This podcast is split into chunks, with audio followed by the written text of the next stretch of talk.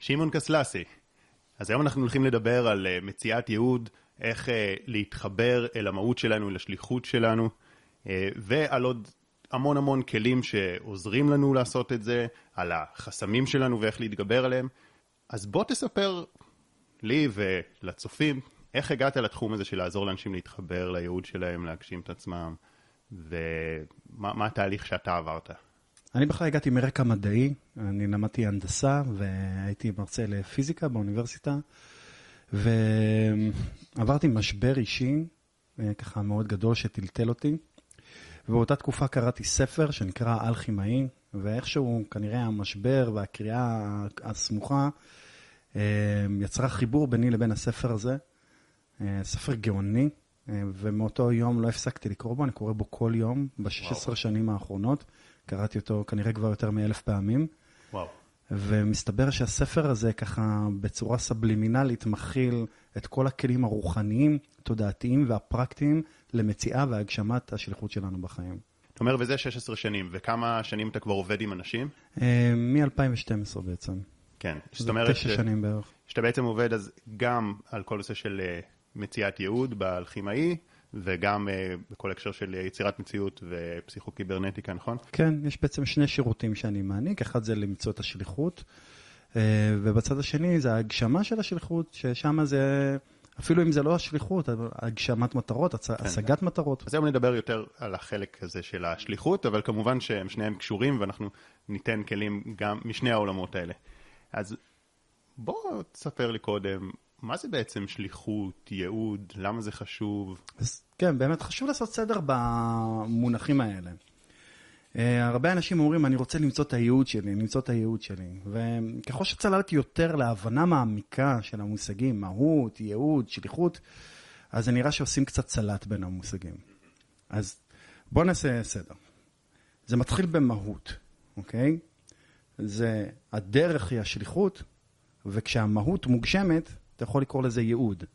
כי ייעוד זה מלשון יעד. למצוא את הייעוד שלך, אתה תדע מה הייעוד שלך כשהגדירו אותך בר מינן. אוקיי? בסוף, כשבן אדם מת, ואז רואים את מפעל חייו ואומרים, זה היה הייעוד שלו. אבל זה מתחיל ממשהו אחר שהוא בכלל לא פיזי, ממשהו שהוא רוחני, שנקרא מהות. שמה זה אומר? מהות זה הסיבה האמיתית שלך להיות. ואתה מאמין שיש איזו סיבה אמיתית שבאנו בשבילה לעולם? זאת אומרת שבאמת הרבה אנשים מדברים אה, בשאלה האם זה, זה משהו שנועדנו לו, שזה כאילו יעדו אותנו מראש, זה הסיבה שבאנו לעולם, או האם זה משהו שאנחנו יוצרים? מה התפיסה שלך? התפיסה שלי זה שבן אדם הוא לא נועד למשהו, אוקיי? כוס נועדה למשהו, מחשב נועד למשהו. בן אדם, יש לו מהות, הוא לא נועד למשהו. כאשר המהות הזאת באה לידי ביטוי פיזי, אז אפשר להגיד שזה מה שהוא נועד אליו. ואתה חושב שרוב האנשים חיים את השליחות שלהם, את הייעוד שלהם, את המהות? כמעט ולא. רוב האנשים לא יודעים מה, מה המהות שלהם, לא יודעים שיש להם בכלל מהות. כמעט כולם. ואיך זה משפיע על החיים של בן אדם? זאת אומרת, מה... למה זה חשוב למצוא את זה? איך זה משפיע על החיים של בן אדם כשהוא לא מחובר לייעוד שלו ושהוא כן מחובר? בעצם, אה, ככל שבן אדם אה, מתנתק יותר מהמהות שלו, אנחנו כולנו, כולנו מגיעים מאוד מחוברים למהות שלנו. ואנחנו עוברים סדרת חינוך מאוד מסודרת ומעוצבת כדי להתנתק ממנה. ובעצם אנחנו הופכים מישות חופשית, תסתכל על ילדים, כמה הם שמחים, כמה הם מאושרים, כמה הם קופצים, כמה הם אנרגטיים, ולאט לאט האנרגיה דועכת מאיתנו, וכל זה כדי שנוכל אה, להיות עובדים טובים, או פעם היו קוראים לזה עבדים, אוקיי? והיום אנחנו פשוט עובדים טובים, ומשרתים מהות של אנשים אחרים.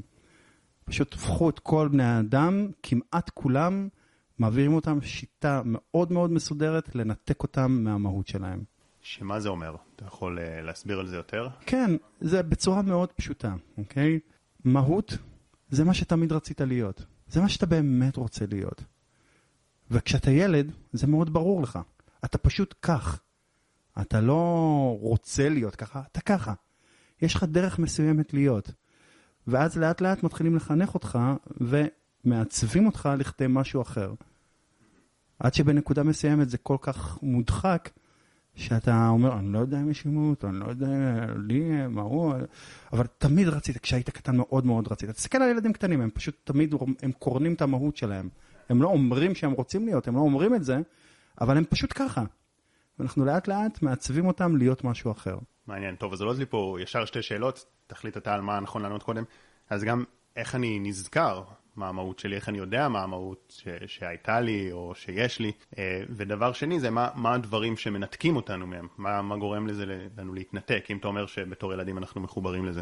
אוקיי, okay, בסדר גמור. אז שני הדברים בעצם מובילים לאותו, לאותה נקודה של היזכרות במהות שלנו. הדבר הפשוט ביותר, הוא אמנם לא קל, אבל הפשוט ביותר זה לברר עם עצמך מה אתה רוצה. זה מאוד פשוט, כי המהות שלך זה מה שאתה רוצה. זה הסיבה שבחרת חיים. באת לפה ותסתכל על ילדים, הם מאוד יודעים מה הם רוצים. ילד, כשהוא רוצה משהו, או שתיתן לו את מה שהוא רוצה, או שתיתן לו משהו אחר שהוא רוצה. אחרת זה להפעיל מרות ולהתחיל לכופף לו את היד. אוקיי? בצורה אלימה, מילולית, או סמכות, או זה, אתה מכופף אותו ומעצב אותו להיות משהו אחר. הוא מאוד יודע, וככל שהוא עובר את הכיפופים האלה, הוא מתחיל לשכוח מה הוא רוצה. ובגלל זה אני, לי בש...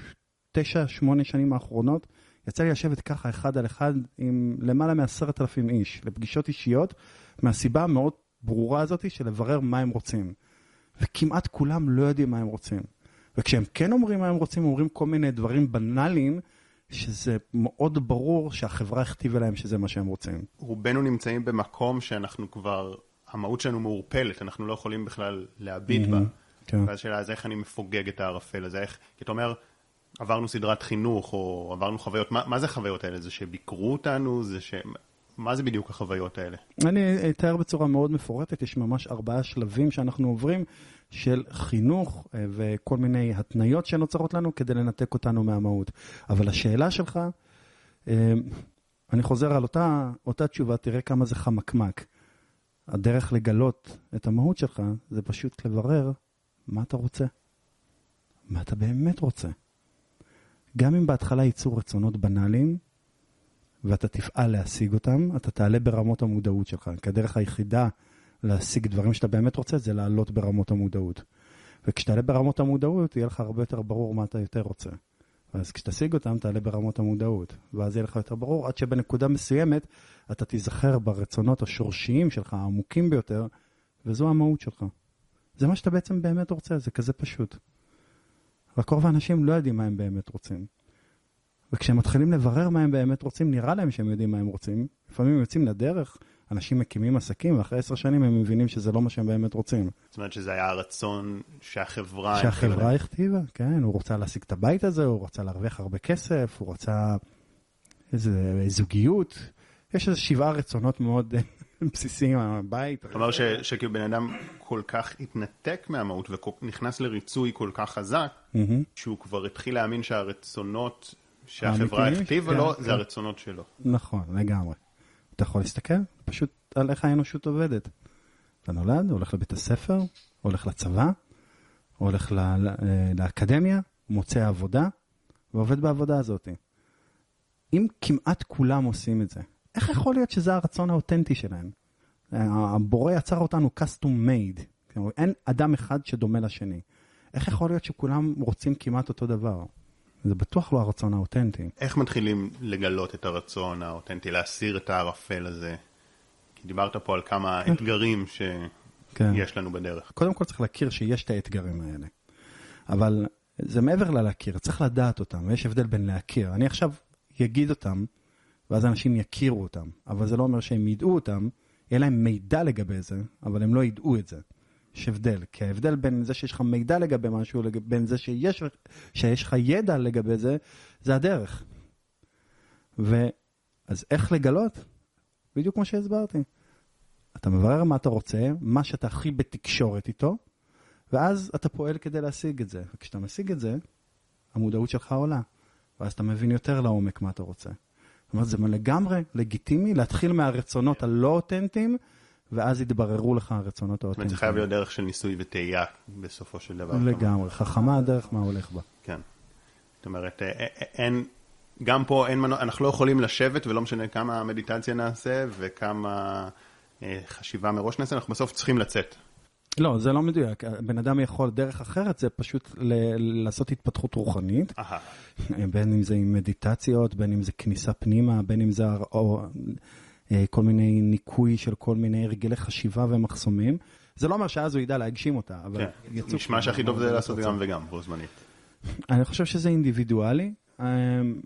אה, מההיכרות שלי עם בני אדם בתשע שנים האחרונות, זה נראה שהדרך הקשה היא יותר קלה. זאת אומרת, הדרך של להציב מטרה ולהשיג. זה- דרך הפרקטיקה יותר קל לאנשים, כי אנחנו מאוד מתוכנתים לטכניות ופרקטיות, והדרך תלמד אותך בכל מקרה, היא יותר ארוכה, אוקיי? אבל היא, היא יותר קלה מאשר הדרך של צמיחה רוחנית של מעלה. שהיא הרבה יותר פשוטה, אבל השאלה אם יש לאדם את היכולות האלה. בכל מקרה, זה לא משנה באיזה דרך הוא ילך, זה פאקינג שווה את זה. לגמרי. אז אז מה האתגרים בדרך? יש לנו בעצם ארבעה אתגרים בדרך למציאת המהות שלנו ולהגשמת המהות שלנו, אוקיי? האתגר הראשון זה החינוך לבלתי אפשרי.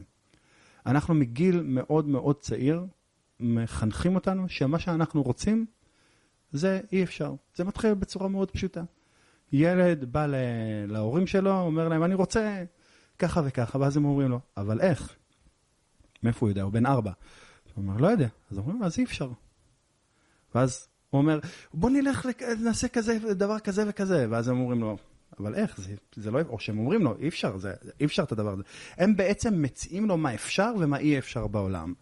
כמעט כל ההורים מציעים לילדים שלהם מלא דברים כלא אפשריים, מתוך הבורות שלהם לגבי זה שכל דבר אפשרי. אוקיי? מכניקת הקוונטים מאוד ברורה לגבי זה. אנחנו חיים במרחב של אפשרויות שקורסות לצורתם החלקיקית, כאשר אנחנו יודעים איך לעבוד עם הכלים התודעתיים שלנו.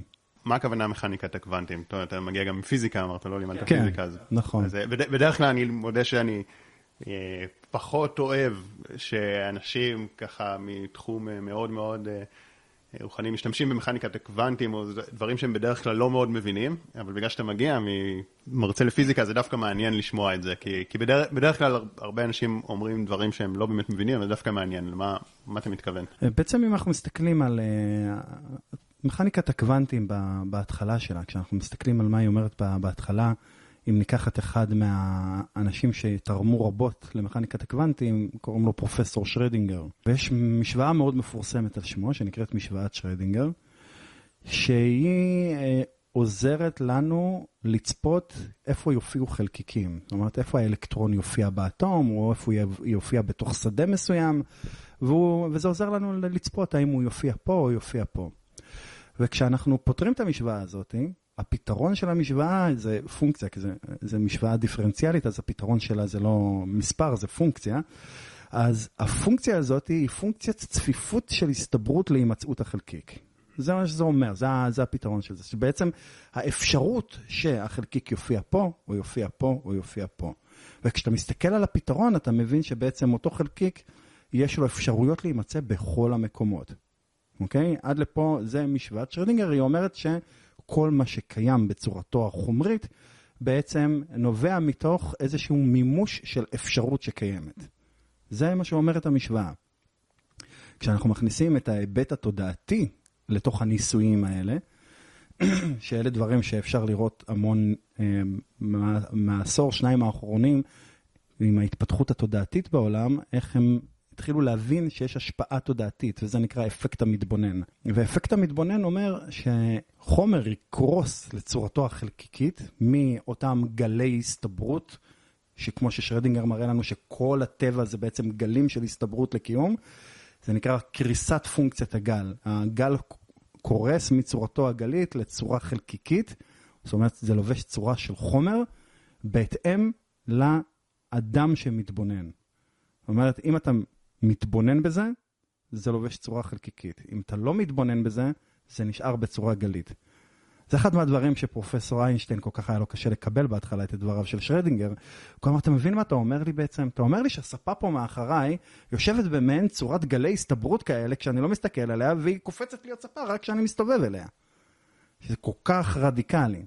עכשיו, חלק מהאנשים שמקשיבים לזה אומרים, מה? מה? מה אמרת עכשיו? מה זאת אומרת? מה? והם לא יודעים שמ-1925 זה כבר ידוע במדע. אבל לא מלמדים את זה משום מה. לא בבית הספר, לא באקדמיה, אלא אם כן אתה ממש לומד פיזיקה.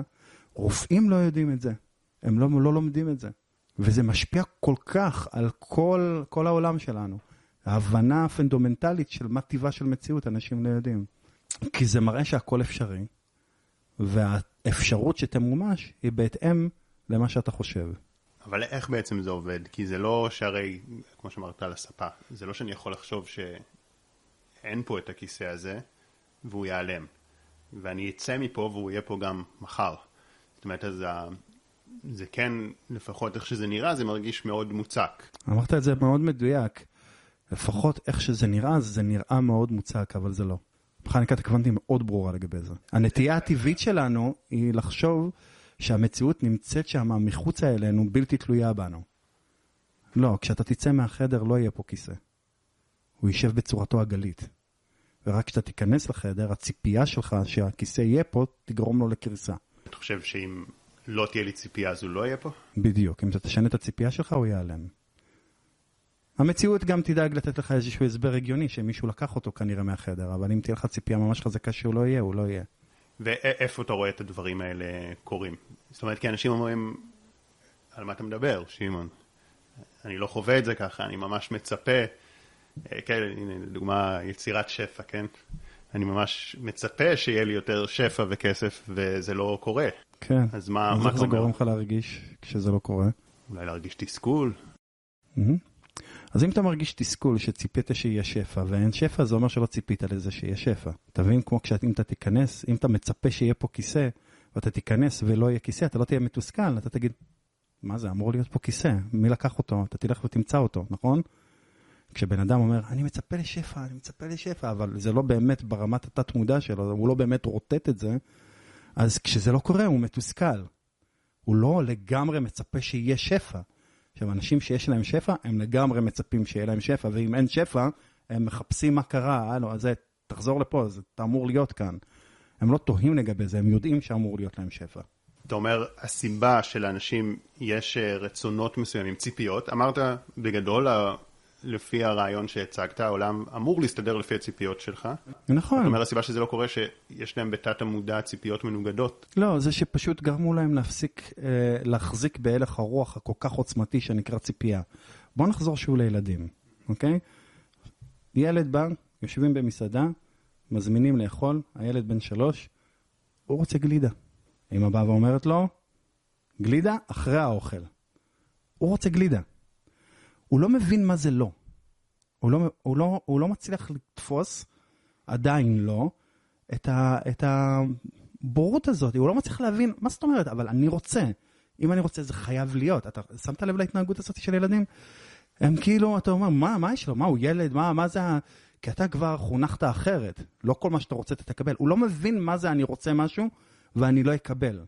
כי הוא עדיין זוכר את עצמו כנשמה, והוא יודע שכל מה שהוא אמור, כל מה שהוא רוצה הוא אמור לקבל. והוא עכשיו מתעקש שהוא רוצה גלידה, אבל אני רוצה, אבל אני רוצה, הוא לא מבין אותך, הוא לא, הוא לא מצליח לקלוט למה אתה בכלל מתנגד לו לזה שהוא רוצה גלידה. ואחרי שתי דקות הילד אוכל גלידה, כן? הוא, הוא, היא עכשיו תביא, זה לא ילך לה. אלא אם כן היא תכופף לו את היד, אתה מבין? הוא, הרצון שלהם כל כך חזק, והם מחזיקים את התמונה של הגלידה ולא נותנים לזה לזוז, והם יקבלו את הגלידה. לך יותר עמוק, תינוק? מה תינוק עושה בשביל עצמו? למה כל צרכיו מטופלים בלי שהוא יעשה כלום? כי הוא הישות החושבת הגבוהה ביותר שקיימת בפלנטה הזאת. הוא רק חושב.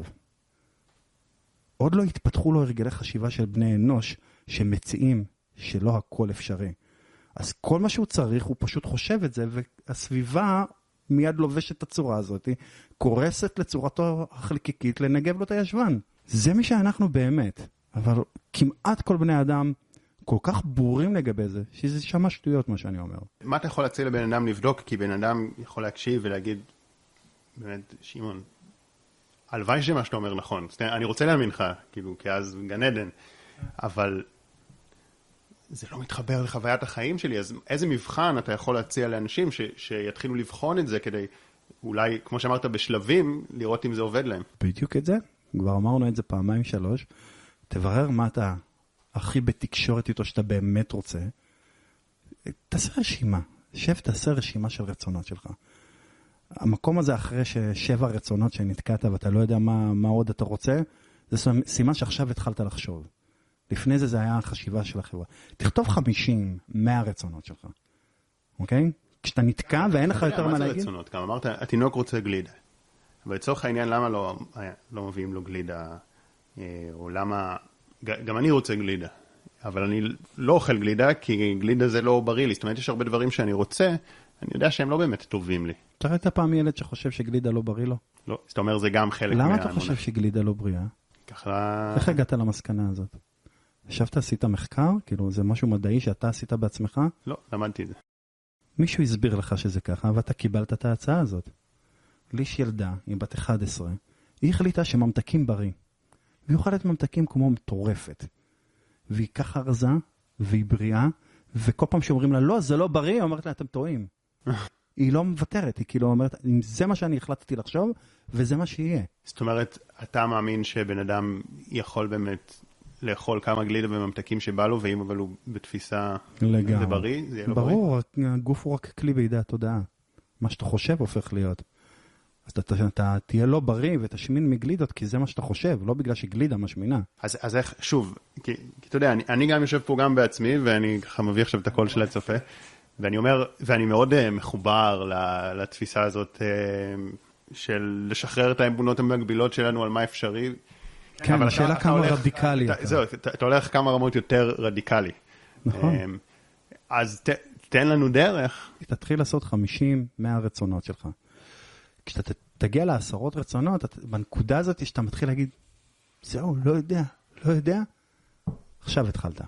כי כל מה שאתה כן יודע זה מה שהכתיבו לך.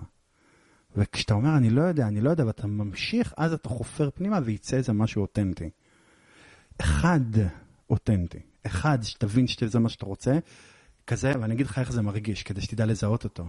זה כזה שאתה מסתכל על זה ואתה אומר, יא, כן, בא לי. כן, זה, אתה יודע מה, אם הייתי יכול לבקש מה שאני רוצה, בא לי. מיד יתחיל לכרסם לך, אבל אה, אה, אה, הכל יתחיל לחפור לך בתוך הראש. רגע, רגע, אבל אם שמעון אמר לברר מה בא לי, מה בא לי, אם אני רק רוצה להגיד מה בא לי, עזוב להשיג את זה. תשחרר רגע את האיך, ותגיד, ואז תגיד, יא, אתה יודע מה, ממש בא לי את הדבר הזה. ואז אם תיקח את זה ותתמקד בו, תגיד, כן, אני רוצה את הדבר הזה וזה הולך לקרות לי. ותתחיל לעשות עבודה תודעתית, תחזיק את התמונה בצורה מאוד ברורה, אתה תראה המהירות שזה יגיע אליך. אתה תראה את הקסם קורה כל כך מהר, ואתה תגיד, אוי, שיט, עבדו עליי. עבדו עליי. ואז אתה תחזור להתבונן קצת יותר בילדים, כדי ללמוד מהם. הם המורים שלנו, לא הפוך. פשוט, אנחנו גדלנו וחינכו אותנו שכל מה שאנחנו רוצים זה לא אפשרי. גלידה זה לא בריא. אתה מבין? אתה שומר על הילד שלך, גלידה זה לא בריא, אתה מגן עליו מגלידה. אז זה מתחיל ככה ב, בילד, עם ההורים שלו, עם הסביבה שלו. לאחר מכן זה מתפתח והופך להיות ממש שיטתי, מתודי. לרוב ההורים אפילו אין מודעות לגבי מה הילד שלהם עובר. כי בנקודה מסוימת הוא נכנס לבית הספר. ובבית הספר, ואתם מוזמנים להתבונן על הילד שלכם בכיתה א' ואיך הוא בכיתה ג'. בשנים האלה הוא עובר סדרת חינוך. הוא מתבגר. הוא בעצם עובר שיטות, עכשיו המורים שעושים את זה הם לא מבינים מה הם עושים, הם עושים את זה כי זה חלק מהמערכת, זה מה שלימדו אותם, הם ממש עוברים תהליך היפנוזה. ללמוד לשבת בכיסא, לא לעשות פיפי, לא לדבר מתי שהם רוצים, והרצון שלהם עובר סירוס, ממש סירוס.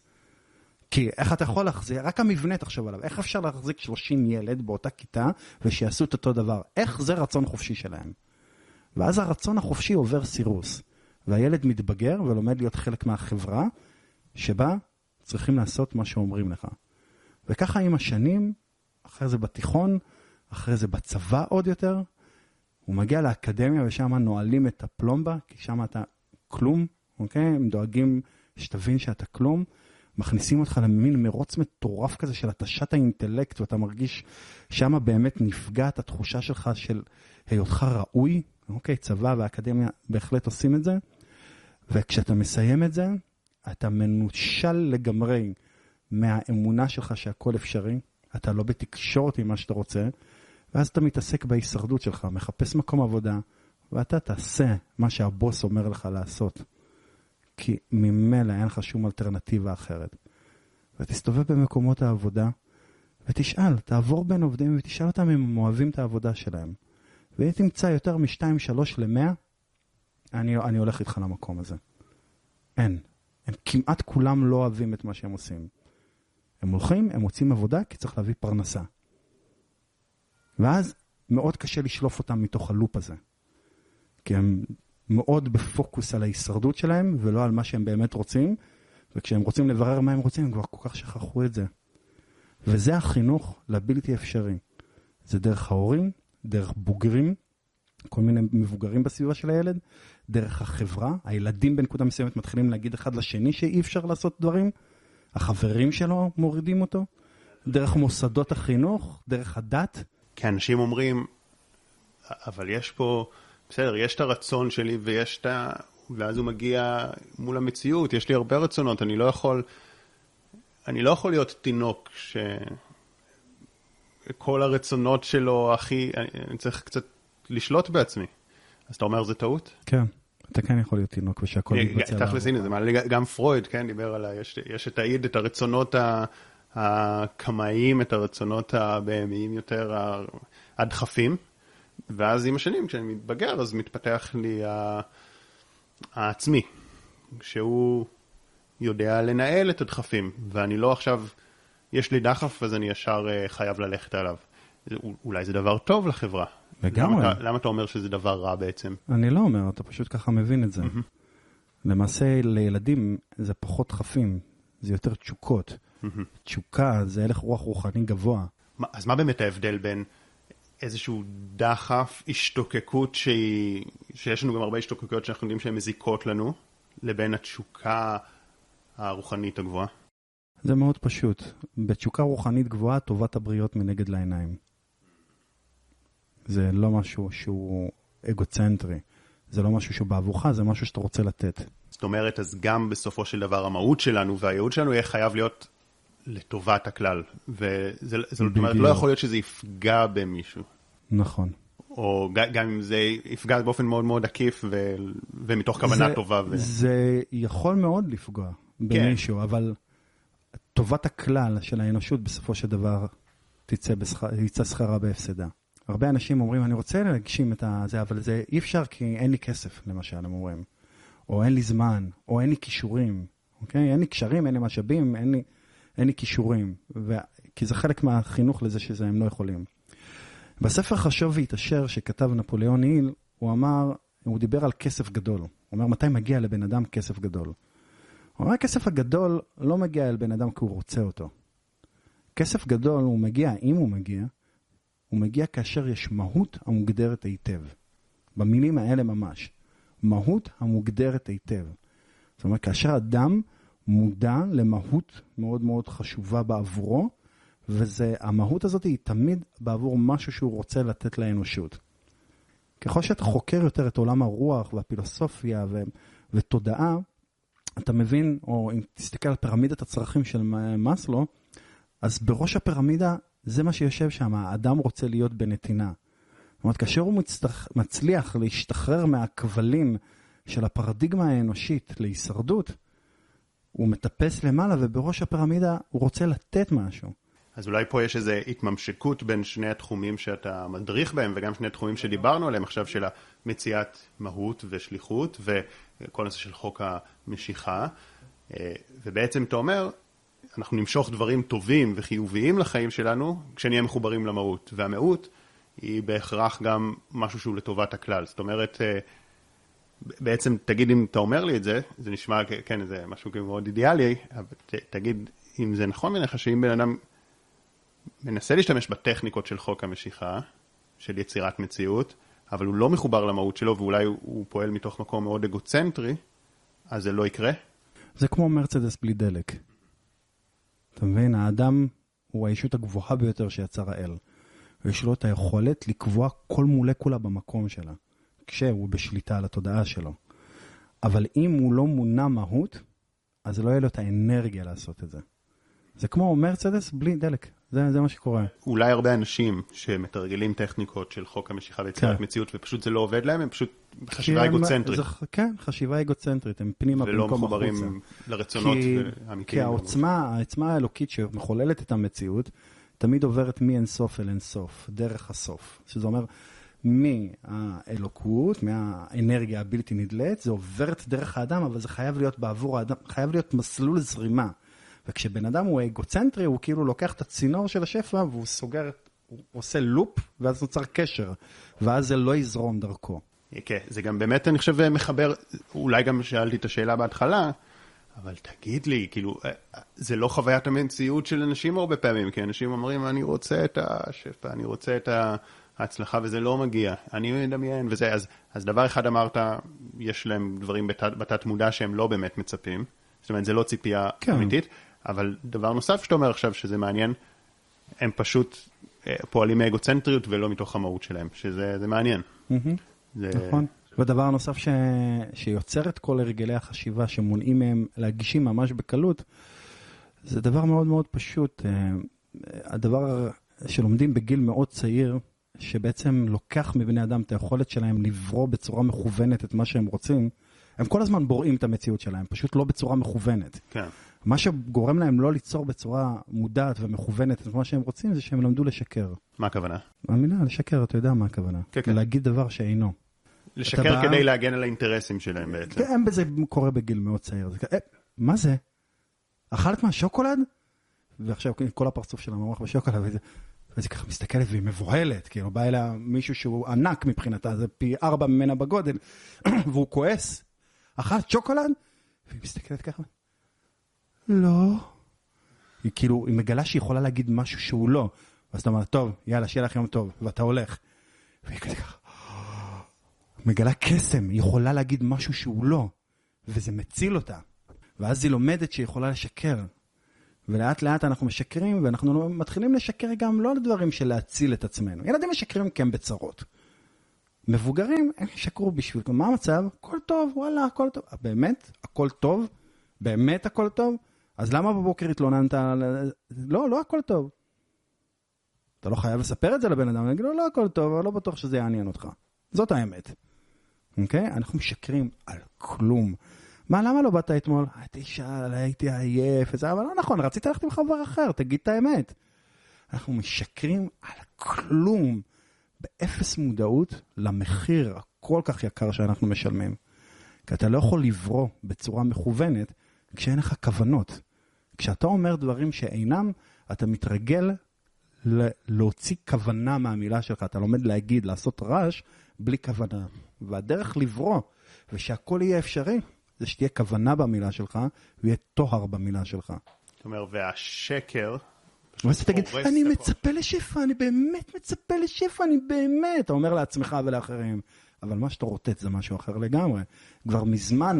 הפה שלו והלב שלו לא שווים, ולכן, זה הלב שרוטט, ואתה מקבל את מה שאתה רוטט. אגב, אז, אז תגיד לי, עולה לי פה אפילו מעבר לשקר. זאת אומרת, שקר זה שממש בן אדם, בשביל האינטרס שלו, בשביל להגן על עצמו, אומר, משקר, אומר משהו שהוא לא אמת. אבל אני יכול למצוא עוד, עוד דברים שהמילה שלנו לא מדויקת, אז זה גם באמת, אמרת פיו וליבו שווים, אז זה מין חוסר אינטגריטי שאני מאמין במשהו, אבל אני לא פועל על פיו, אני, אני, אני מדבר ולא פועל על פי זה, וגם אותנטיות, אותנטיות הייתי מגדיר את זה קצת אחרת, אולי שזה, אני לא מביא את הרגשות האמיתיים שלי, את הרצונות האמיתיים כן. שלי, מתוך הפחד של מה יחשבו עליי. ברור, ויש לך מה. לפחד, כן. ואז אני לא מבטא את עצמי. אה, נכון. אתה לא מת- זה לא שקר מתוך אינטרס, זה פשוט פחד כזה. זה כן אינטרס.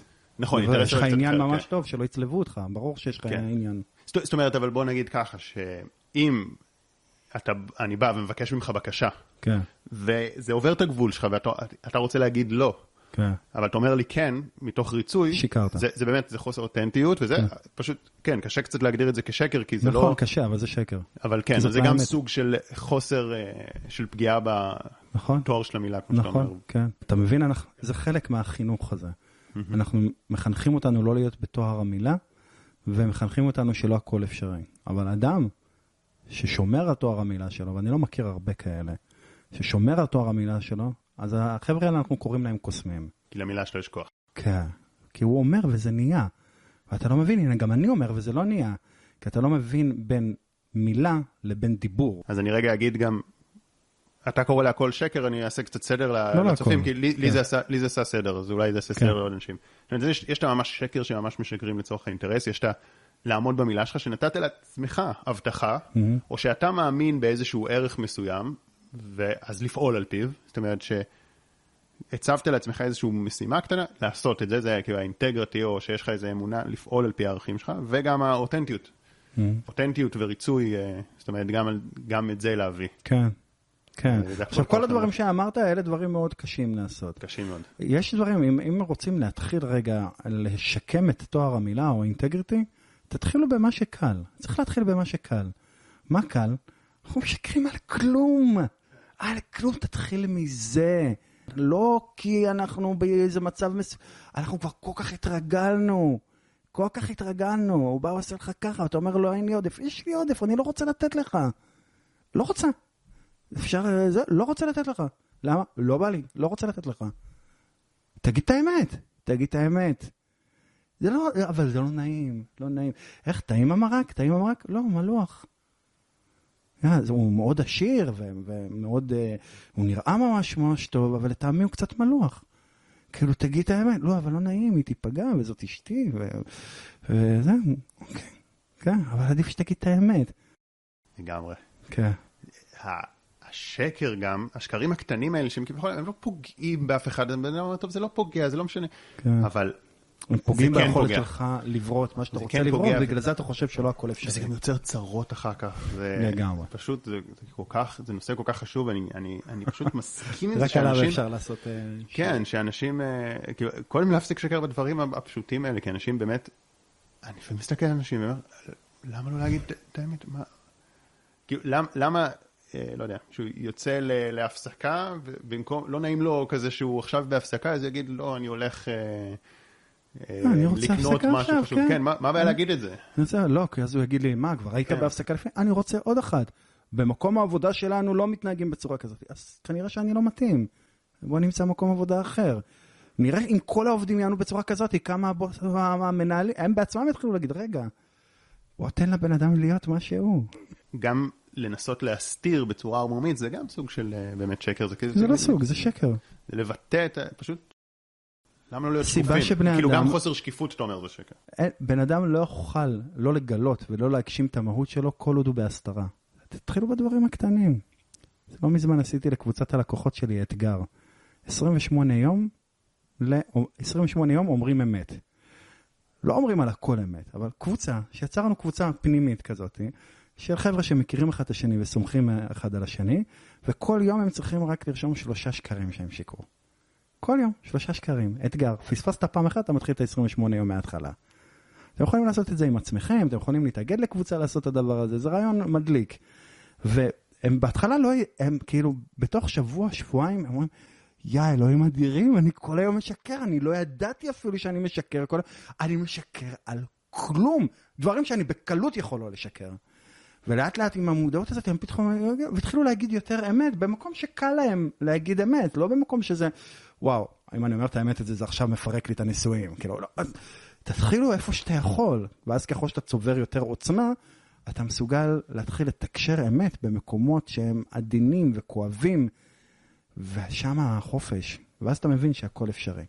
אז זה האתגר הראשון בהגשמת המהות, זה אמ, להבין שהכל אפשרי, הכל ואז אפשרי. גם כמובן שאם נקשר את זה גם למהות ומעבר לחוק המשיכה זה גם, כשאני שומר על תואר המילה, כש, כשאני לומד לשקר כלפי חוץ אני מתחיל לשקר לעצמי, אני כבר בעצמי לא יודע מה האמת נכון. ומה שקר ואז איך אפשר להתחבר לרצונות האמיתיים. נכון, ואז זה לא הרצונות האמיתיים, זה לא הרצונות האותנטיים, ורק, רק הרצונות האותנטיים מתגשמים. הרבה אנשים אומרים, למה הנה אני הצבתי מטרה ואני מדמיין אותה ואני עושה את כל הכלים שאתה...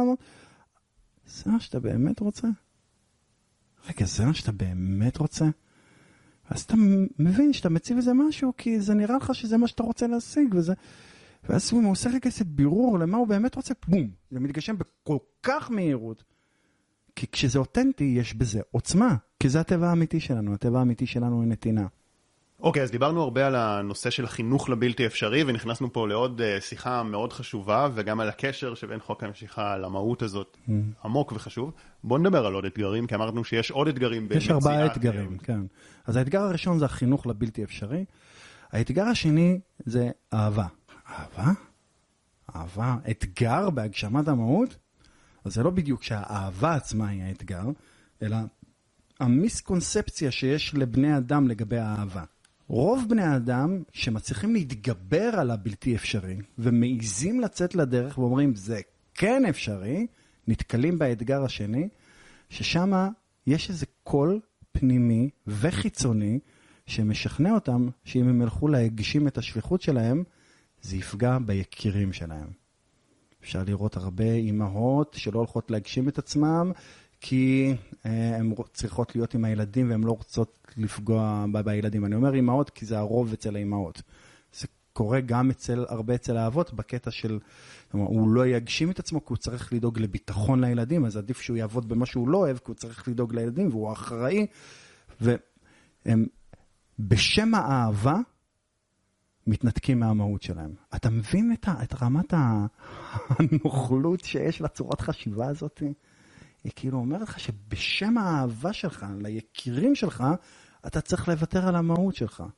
ואז אתה הופך להיות אבא מתוסכל, שלטובת הילדים שלו הוא הקריב את המהות שלו ואת הסיבה שלשמה הוא חי. ואז הוא לא בן אדם מאוד מאושר, הוא, הוא יודע לדאוג לפרנסה שלהם אולי, אבל הוא לא בן אדם מאוד מאושר. ומה שהוא לא מבין אותו, האבא או האמא, זה שהם דנים את הילדים שלהם לבדיוק אותו דבר. ואז הילדים שלהם יגדלו ויקריבו את עצמם לטובת הילדים שלהם. ואז הילדים שלהם יגדלו ויקריבו את עצמם לטובת הילדים שלהם דורות. ואני רוצה לשאול, איך זה דיל טוב? מי בסוף כן חי? אם כל דור מקריב את עצמו לטובת הדור הבא, מי בסוף כן מגשים את המהות שלו וחי? מי? וזה היה, הרעיון הזה שחרר אותי לצאת להגשים את המהות שלי, כי מאוד פחדתי בדיוק נולדה לי שלוש, נולדו לי שלושה ילדים, תאומות ובן, אחרי שנה. נכנסנו לבית, משכנתה, ריהוט, 300 אלף שקל הלוואות, אוקיי? עכשיו, הייטק, האוניברסיטה מרוויח טוב, ואז לעצור את הכל עכשיו ולצאת להגשים את המהות זה הכי לא זמן. וזה גרם לי לצאת לדרך.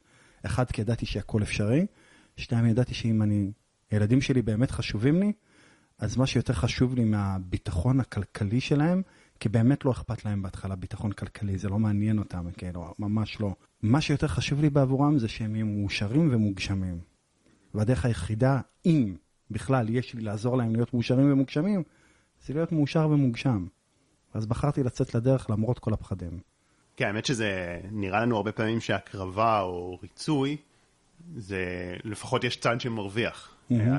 אנחנו עושים את זה בשביל מישהו, והצד הזה מרוויח.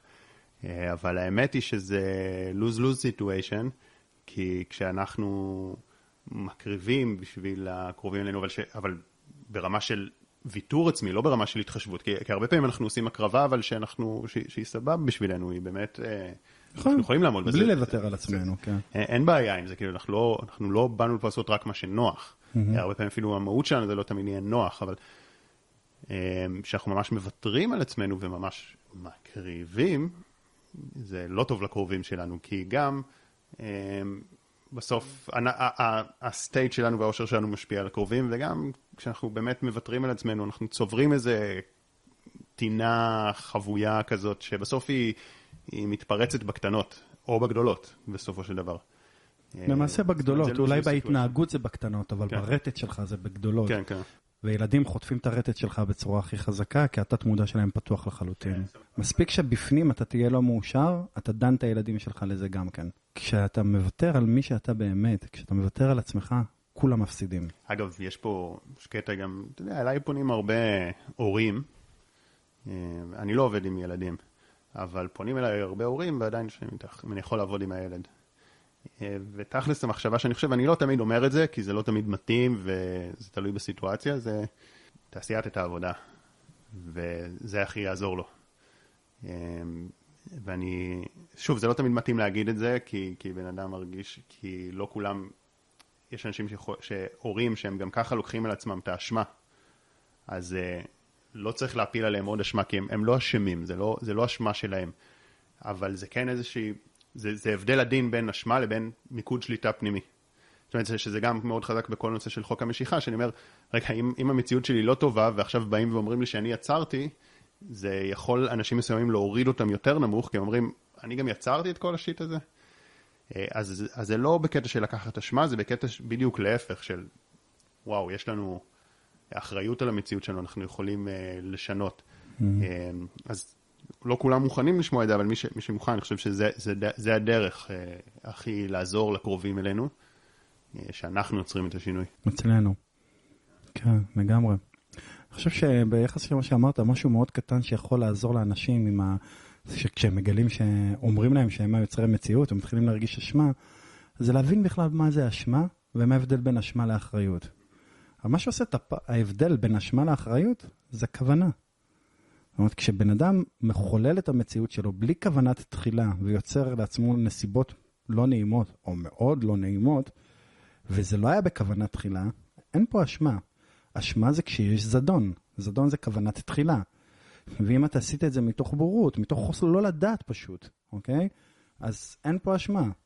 אבל עכשיו כשאתה יודע את זה, עליך האחריות. אבל הרבה אנשים עושים קריסה בין אחריות לאשמה.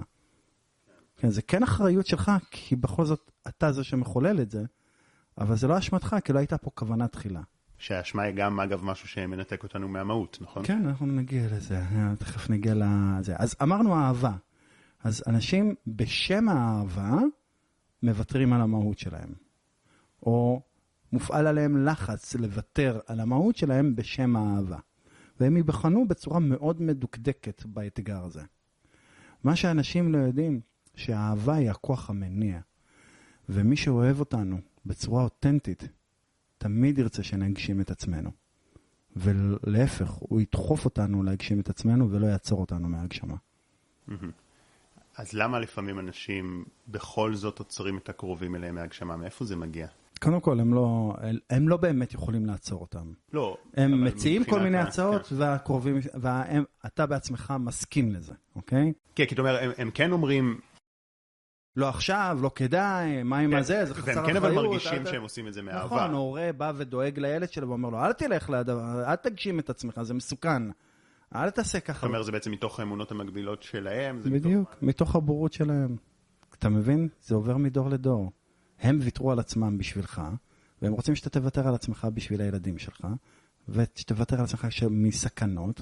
אתה חושב שיש גם את הקטע שאם מישהו סביבנו מגשים את עצמו, ואנחנו עוד לא, אז זה יכול פתאום לשים זרקור על הפער הזה שאנחנו חווים בחיים בין מה שאנחנו באמת רוצים לבין החיים שלנו, ו... ואז אולי יותר נוח להיות בסביבה של אנשים שלא מגשימים את עצמם. לגמרי. אתה חושב שזה גם משפיע? לגמרי. וגורם לאנשים להוריד לפעמים את הקרובים, לא בכוונה, לא מתוך כוונות רעות, אבל להוריד את הקרובים אליהם כדי לא להרגיש את הדיסוננס שהם חווים בחיים שלהם בין כן, ה... כן, לגמרי. זה בדיוק דיסוננס, אם אתה... נסביר רגע לחבר'ה מה זה אומר דיסוננס. אתה מדבר על דיסוננס קוגנטיבי, כן? דיסוננס זה בעברית אומרים חוסר הרמוניה, אוקיי? אין תאימות. אין תאימות הכרתית, זה דיסוננס קוגנטיבי. מה שקורה זה שתמיד בן אדם יראה בסביבה שלו את עצמו. מה שהוא קורן, מה שהוא רוטט, הוא יראה את כל מה שבהרמוניה עם זה. ובן אדם שצועד לעבר הגשמת המהות שלו ומתקדם באתגרים ועובר את האתגרים, הרטט שלו משתנה, התדר שלו משתנה. ולכן מי שכבר לא ברטט הזה ייעלם מתוך החוויה שלו, או יתמעט מתוך החוויה. ולכן זה הגיוני שחברים יתחלפו, שסביבה תתחלף. אני יושב פה מולך ומדבר על הגשמת המהות, אני מוקף באנשי רוח. רוב הלקוחות שלי זה מטפלים ומאמנים ו... ואנשים שרוצים להגשים את עצמם. ולפני עשר שנים אני הייתי מוקף במהנדסים ציניים. מה, איפה הם נעלמו כולם? מאיפה מגיעה הציניות? מה יש לך להגיד על ציניות? אנחנו קופצים למה לדבר על ציניות. כן. ציניות יש לה שני היבטים, אוקיי? יש ציני בתוכי שאני אוהב אותו, כי הוא מצחיק. אני אוהב, אני אוהב, אני אוהב את ההומור הציני שלי, אוקיי? ויש ציני שהוא מגיע מ, מתוך אה, סקפטיות ומתוך חוסר ביטחון. אה, וזה ציני שאני אה, פחות מארח בתוכי. לדוגמה, ציניות לגבי רעיונות כאלה, כי השיחה שלנו, בוא, זה לא רעיונות קלים, אה, אני מודה שגם לי לא קל לקבל פה את כל הרעיונות. Mm. ואז אני חושב שהרבה אנשים, מאוד קל להם להיות ציניים, ושדרך הציניות גם להקטין את זה, אבל מאיפה זה מגיע? אני חושב שענית על זה, התשובה, התשובה נמצאת בגוף השאלה, יותר קל אמרת. נכון. באמת יותר קל להיות ציני. זאת אומרת, אתה רואה את הציניות כאיזה מנגנון הגנה מסוים. בוודאי, זה מנגנון ההגנה, זה, זה יותר קל. כי אתה לא צריך להתמודד עם זה. אתה מבין מה אני אומר פה? יש לך מהות, אחריות שלך, אתה יוצר את המצ... יש לך, עזוב אותה, האוטובוס ברח לי עכשיו, אני אשם בזה, אה, שטויות, עזוב, יותר קל. אתה פשוט בכלל לא יודע מה מחכה בצד השני. כשאתה מתעורר לאמת לגבי מי שאתה, העוצמה שנהיית לך, איך שאתה מרגיש לגבי עצמך, איך שאתה מרגיש לגבי החיים, היכולת שלך לשלוט בנסיבות חייך, לא רק בעצמך, בנסיבות חייך. החיים באמת הופכים להיות חוויה כמו שהתכוונה להיות במקור. לפני השימוש בפרי עץ הדת, לפני שפתאום ידענו ונהיינו ציניים ונהיינו שופטים כל דבר.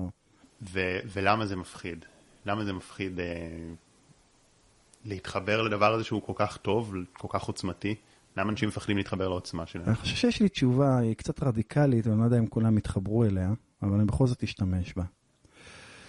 אם תיקח מישהו שהיה בשבי, חטוף, שהיה בשבי, כמה שנים, ואז תחזיר אותו הביתה, ותגיד לו, זהו, אתה לא בשבי יותר. אחרי שבשבי במשך כל יום הוא ספג השפלות, הקאות, היפנוזה, ממש הפנטו אותו לחשוב שהוא worthless.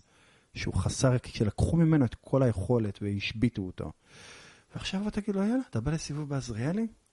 אתה יודע מה יעשה לו סיבוב בעזריאלי? אתה יודע, זה, זה, הוא לא יכול להתמודד עם זה. הוא אומר, בוא נלך לים? אתה הורג אותה, אתה צריך, הם חוזרים וצריך לפתוח להם לאט לאט. לתת להם בכוס של הצ'ייסר שלהם לשתות. אתה לא יכול לבוא אליהם עם דלי עכשיו. וצריך להיפתח לדברים האלה לאט לאט, כי האמיתות פה הן כל כך, הן טובות, אבל זה כל כך טוב ואין לך איפה להכיל את זה, זה, זה ממש כואב בעצמות. זאת אומרת, זה אה, משהו גם בתפיסה העצמית של, אם ניקח את זה יותר לחיי היום-יום, אז זה משהו גם בתפיסת העצמי של בן אדם, שהוא לא יכול להכיל את הטוב. בוודאי. הוא לא יכול להכיל זה את האתגר הרביעי. זה האתגר הרביעי. אז האתגר השני אמרנו זה האהבה, אה, או יותר נכון, בשם האהבה אנחנו מוותרים על המהות, וחוסר ההבנה שאהבה זה הדלק שמניע אותך להגשמת המהות שלך. אלה שמתגברים על זה נתקלים באתגר הרביעי, השלישי. האתגר השלישי זה הפחד מתבוסה, אוקיי? או פחד מכישלון, אבל יותר הפחד מתבוסה. עכשיו, לכולם יש פחד מכישלון, אבל לאנשים שהולכים להגשים את המהות שלהם, הפחד מכישלון הוא הרבה יותר חזק. כי הם כבר לא יכולים יותר להשתמש בתירוץ הישן והנדוש, אה, מילא לא רציתי את זה. הם כן רוצים את זה, וכל הלב שלהם בעניין. וכל תבוסה שורפת בשד עצמותיך. ואני שואל את עצמי, האם תבוסות הכרחיות? והתשובה האמיתית שיש לי להגיד זה, הכרחיות או לא, הן קורות. אתה רוצה להגשים את המהות שלך, אתה חסר ניסיון, אתה עושה טעויות, אתה עושה טעויות בהתחלה. וכל תבוסה שורפת. אבל אלה שמוכנים לחוות את, ה, את השריפה הזאת, הם מחשלים משהו בתוך עצמם, שגורם להם, הם, אומנם לחוות איזשהו כאב או איזושהי תבוסה שהיא רגעית מאוד קצרה, עמוקה, אבל מצד שני הם גם מצליחים לחוות רגעי אושר מאוד מאוד, ספייקים כאלה של אושר והערה מאוד מאוד גבוהים. שאותם אלה שמוותרים על זה ודואגים להישאר ברמת אה, סבל ותבוסות שמאוד מאוד מאוד קטנות, שלכאורה נסבלות, אבל בסופו של דבר מכרסמות בנשמתם עד שהם בנקודה מסוימת מתנתקים מהמהות שלהם לגמרי, והחיים שלהם הרבה יותר נוראים. זה אנשים שמפחדים מהשגרה של חייהם. הם סובלים משגרת חייהם. ואלה שכן מתגברים על זה, אז הם אומנם חווים תבוסות שהן יותר כואבות, אבל הן מאוד קצרות. ומיד הם חוזרים להמשיך לעבר המהות שלהם. והם חווים חיות הרבה יותר חזקה. אז איך מתגברים? על הפחד מתבוסה או מכישלון, אה, כן? ש... תלוי איך מגדירים את זה גם. אני חושב שדוד המלך הגדיר את זה בצורה הטובה ביותר. אנחנו, אבירי האור, שהולכים להגשים את המהות שלנו, ואנחנו תמיד מגשימים את המהות שלנו. אנחנו חווים לכש... כישלונות בדרך, אבל אנחנו גם יודעים לקום מהם. ועל זה דוד המלך אמר, ייפול, צדיק, ייפול שבע צדיק וקם. אנחנו צריכים להיות מוכנים ליפול ולקום, ליפול ולקום. אז אנחנו נופלים שבע פעמים ואנחנו קמים בפעם השמינית ואנחנו תמיד קמים. ואז אנחנו מחשלים משהו בתוך עצמנו, שאנחנו הופכים להיות בלתי מנוצחים. אתה מבין? כולנו נולדנו גיבורי על ושוכנענו אחרת. ואלה שכן מצליחים לעשות את זה וקמים בפעם השמינית וממשיכים, מתגברים על האתגר, על, ה, על הפחד מכישלון, אני עדיין חווה כישלונות, אבל אני כבר לא מפחד לחוות כישלונות. אני עדיין חווה תבוסות, אבל אני לא מפחד לחוות תבוסות. bring it on. אתה מבין? כאילו, תביא, בסדר, אם צריך זה מה שצריך, זה צריך. אני יודע שזה לטובתי, זה מחשל אותי, זה מעצב אותי, זה מכתב אותי. תביא, כמו משקולות. ואז מה שקורה, כשאנשים כבר מגיעים לשלב הזה, הם מאוד מתקדמים, אפשר לראות הצלחה גדולה בחיים שלהם. הם כבר מאוד מצליחים, והם מאוד מתקרבים להגשמת המהות שלהם. ודווקא ברגע הזה, כמעט כל האנשים מגיעים למילימטר מההגשמה שלהם, ונתקלים אה, באתגר הרביעי. ושם הם בעצמם מייצרים סדרה של טעויות טיפשיות, כאילו ממש מחבלים בהצלחה של עצמם ומאבדים את מה שהם השיגו. וזה נובע לא מתוך איזשהו חוסר ידע, כי ידע כבר יש להם, הם כבר מאוד מנוסים ומצליחים. זה נובע מתוך האתגר הרביעי שנקרא אשמה. אותם אבירי האור שהגיעו עד לקצה, מסתכלים על יקיריהם ורואים שהם הצליחו והם לא. ורק התחושה הזאת שהם הולכים להגשים את המהות שלהם כשאחרים לא, ממלא את ליבו של האדם הפשוט, האדם הרגיל, באשמה. וכדי להתנער מהאשמה הזאת, הם מוותרים על הגשמת המהות, או מחבלים בהגשמת המהות שלהם. וזה האתגר הכי מסוכן. והוא כזה מסוכן כי אותם אנשים שמוותרים על המהות שלהם, עוטפים את עצמם במעין אופוריה של קדוש מעונה. של הנה, אני טוב, לטובת כולם, ויתרתי על עצמי. וזה מאוד מפתה להיות במקום הזה, להגיד, אני טוב, הנה, בשביל כולם אני מוותר על זה, ומפספסים את, ה, את ההגשמה של המהות שלנו. זה יכול להיות גם באופן לא מודע, שבן אדם זה לרוב לא מודע. זה לרוב לא כי, מודע. כי פה מה שאמרת, לטובת כולם. שפשוט, אני מפחד ש... אמרתי, זה הרגשה של אופוריה כזאת של... ככה אני הם לא אומרים לטובת כולם, הם ממש לא באופן מודע, כמעט ולא באופן מודע, כי כשאתה עובר את האתגר הרביעי, אתה ער. מי שמצליח להתגבר על האתגר הרביעי, הוא מגשים את המהות שלו, הוא מקבל את האוצר שלו, הוא מגשים את מי שהוא באמת, והוא נמצא בייעוד שלו. הוא הופך להיות זרוע השם, והוא מבין למה הוא כאן.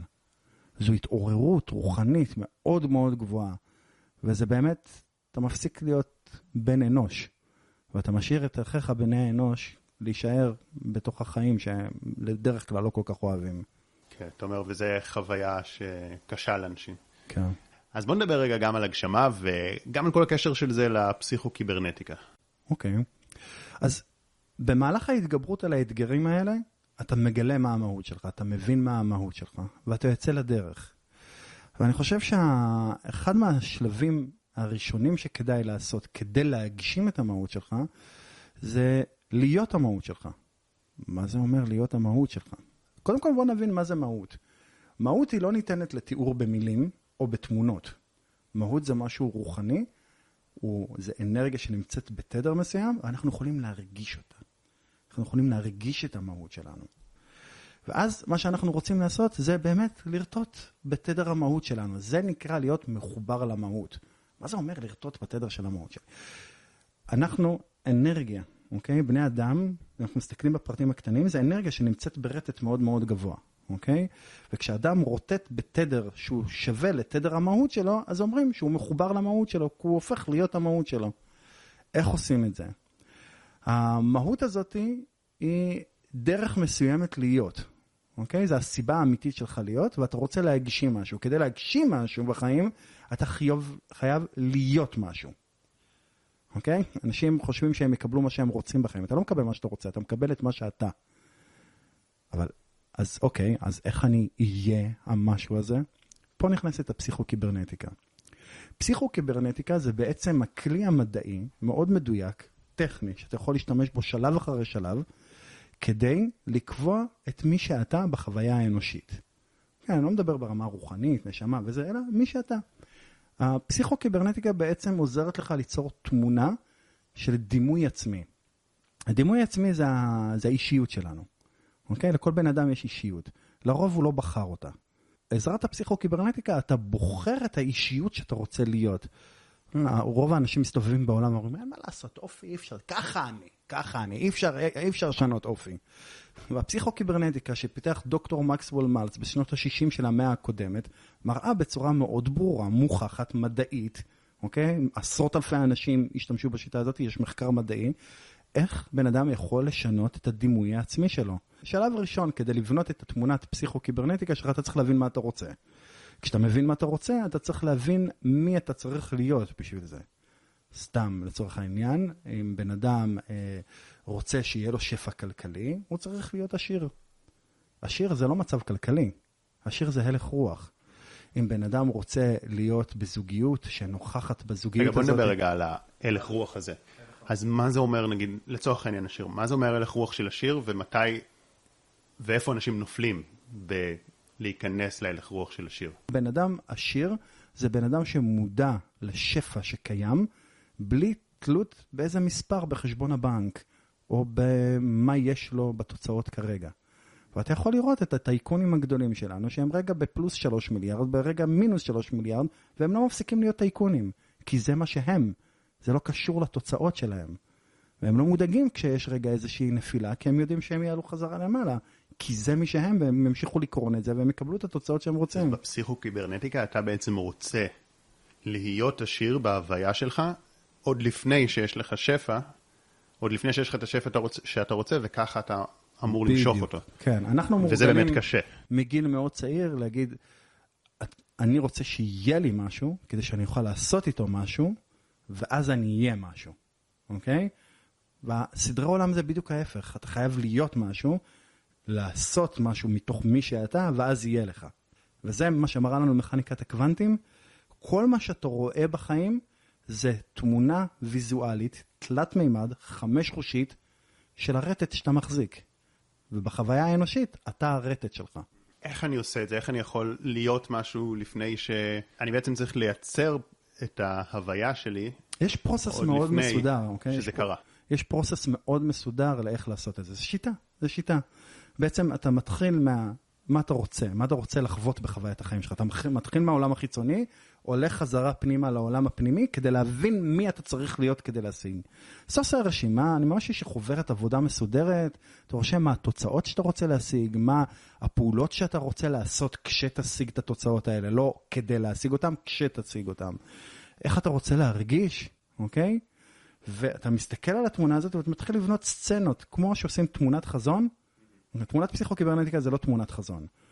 אז, אבל אתה עושה כמו תמונת חזון, אתה מרכיב סצנה. ואז אתה מסתכל על הסצנה הזאת. ואתה מסתכל ואתה רוצה להכניס את עצמך לתוך הסצנה. אז בהתחלה אתה מדמיין מישהו בתוך הסצנה הזאת, ואז אתה אומר, מה, מה אני יכול להגיד עליו? מי, מי זה הבן אדם הזה? ההוא שהוא בעל עסק כזה מאוד מצליח, ויש לו ככה וככה תוצאות, וככה וככה, אלה הפעולות שלו, והוא מרגיש ככה וככה. אז מה התכונות של הבן אדם הזה? מאוד קל לך להגיד, או, הוא בטוח בעצמו, הוא חריף בעסקים, הוא, אתה מתחיל להגיד כל מיני תכונות עליו, ואז אתה גוזר את תכונות הדימוי העצמי שאתה חייב להחזיק בהם כדי לקבל כאלה תוצאות. כי התוצאות הן תמונת הראי של מי שאתה. ואז מתוך כל זה אנחנו, יש ממש מרכיבים כמו לגו, הנחיות איך להרכיב תמונה של פסיכוקיברנטיקה שכוללת גם את החיים שלך וגם את מי שאתה בתוך החיים האלה. ושם, בתהליך שאני מעביר שנקרא פסיכוקיברנטיקה, מקבלים גם כלים להטמעת התמונה הזאת לתת המודע, ועוד כל מיני דברים שצריך לעשות בתוך החיים כדי להפוך את זה לממשי, ואדם הופך להיות הדימוי העצמי החדש שלו. הוא משתנה במי שהוא, ולכן התוצאות שלו משתנות. כן, זה, זה מאוד חזק. חושב שגם אה, נשים פה למטה גם אה, קישור לזה או לאלכימאי, אני גם אשים קישור למדיטציות שעוזרות mm-hmm. לעשות את זה. נשים לכם ככה כמה וכמה קישורים, כי זה באמת תרגול חזק. אז באמת, אני חושב שהדרך הטובה ביותר, כל מה שדיברנו עליהם פה, ארבעת האתגרים, פורסים בצורה גאונית בספר שנקרא האלכימאים. וב-16 שנים האחרונות, כמו שאמרתי לך, אני קורא בספר הזה כל יום. פתח את הספר, תצביע על השורה בעמוד, ויש לנו שיעור של שעתיים עכשיו על השורה הזאת. חקרתי אותו כל כך לעומק. ואני מנחה כנסים שנקראות סודות האלכימאים.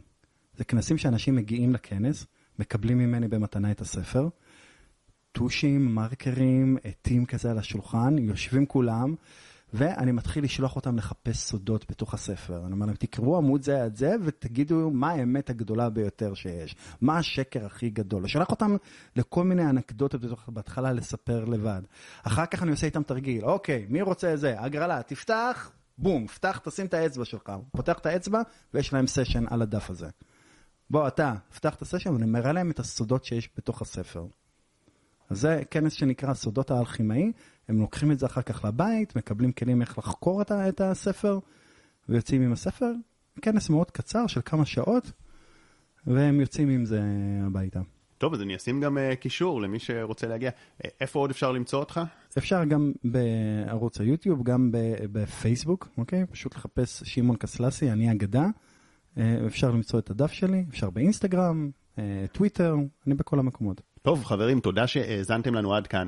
אם אהבתם, תשתפו גם את הפרק שעוד אנשים יוכלו להתערם ממנו, שעוד אנשים יוכלו לקבל. זה גם עוזר לנו להפיץ את הפודקאסט, אה, לעשות עוד פרקים, להביא לכם עוד תוכן איכותי. אה, תעשו לייק, תעקבו אחרי הערוץ כדי לקבל עוד תכנים איכותיים. אז תודה רבה לכם. תודה רבה, שמעון, שוב, תודה רבה שהגעת. היה מרתק ומעניין מאוד, ואנחנו נתראה בפרקים הבאים. תודה רבה.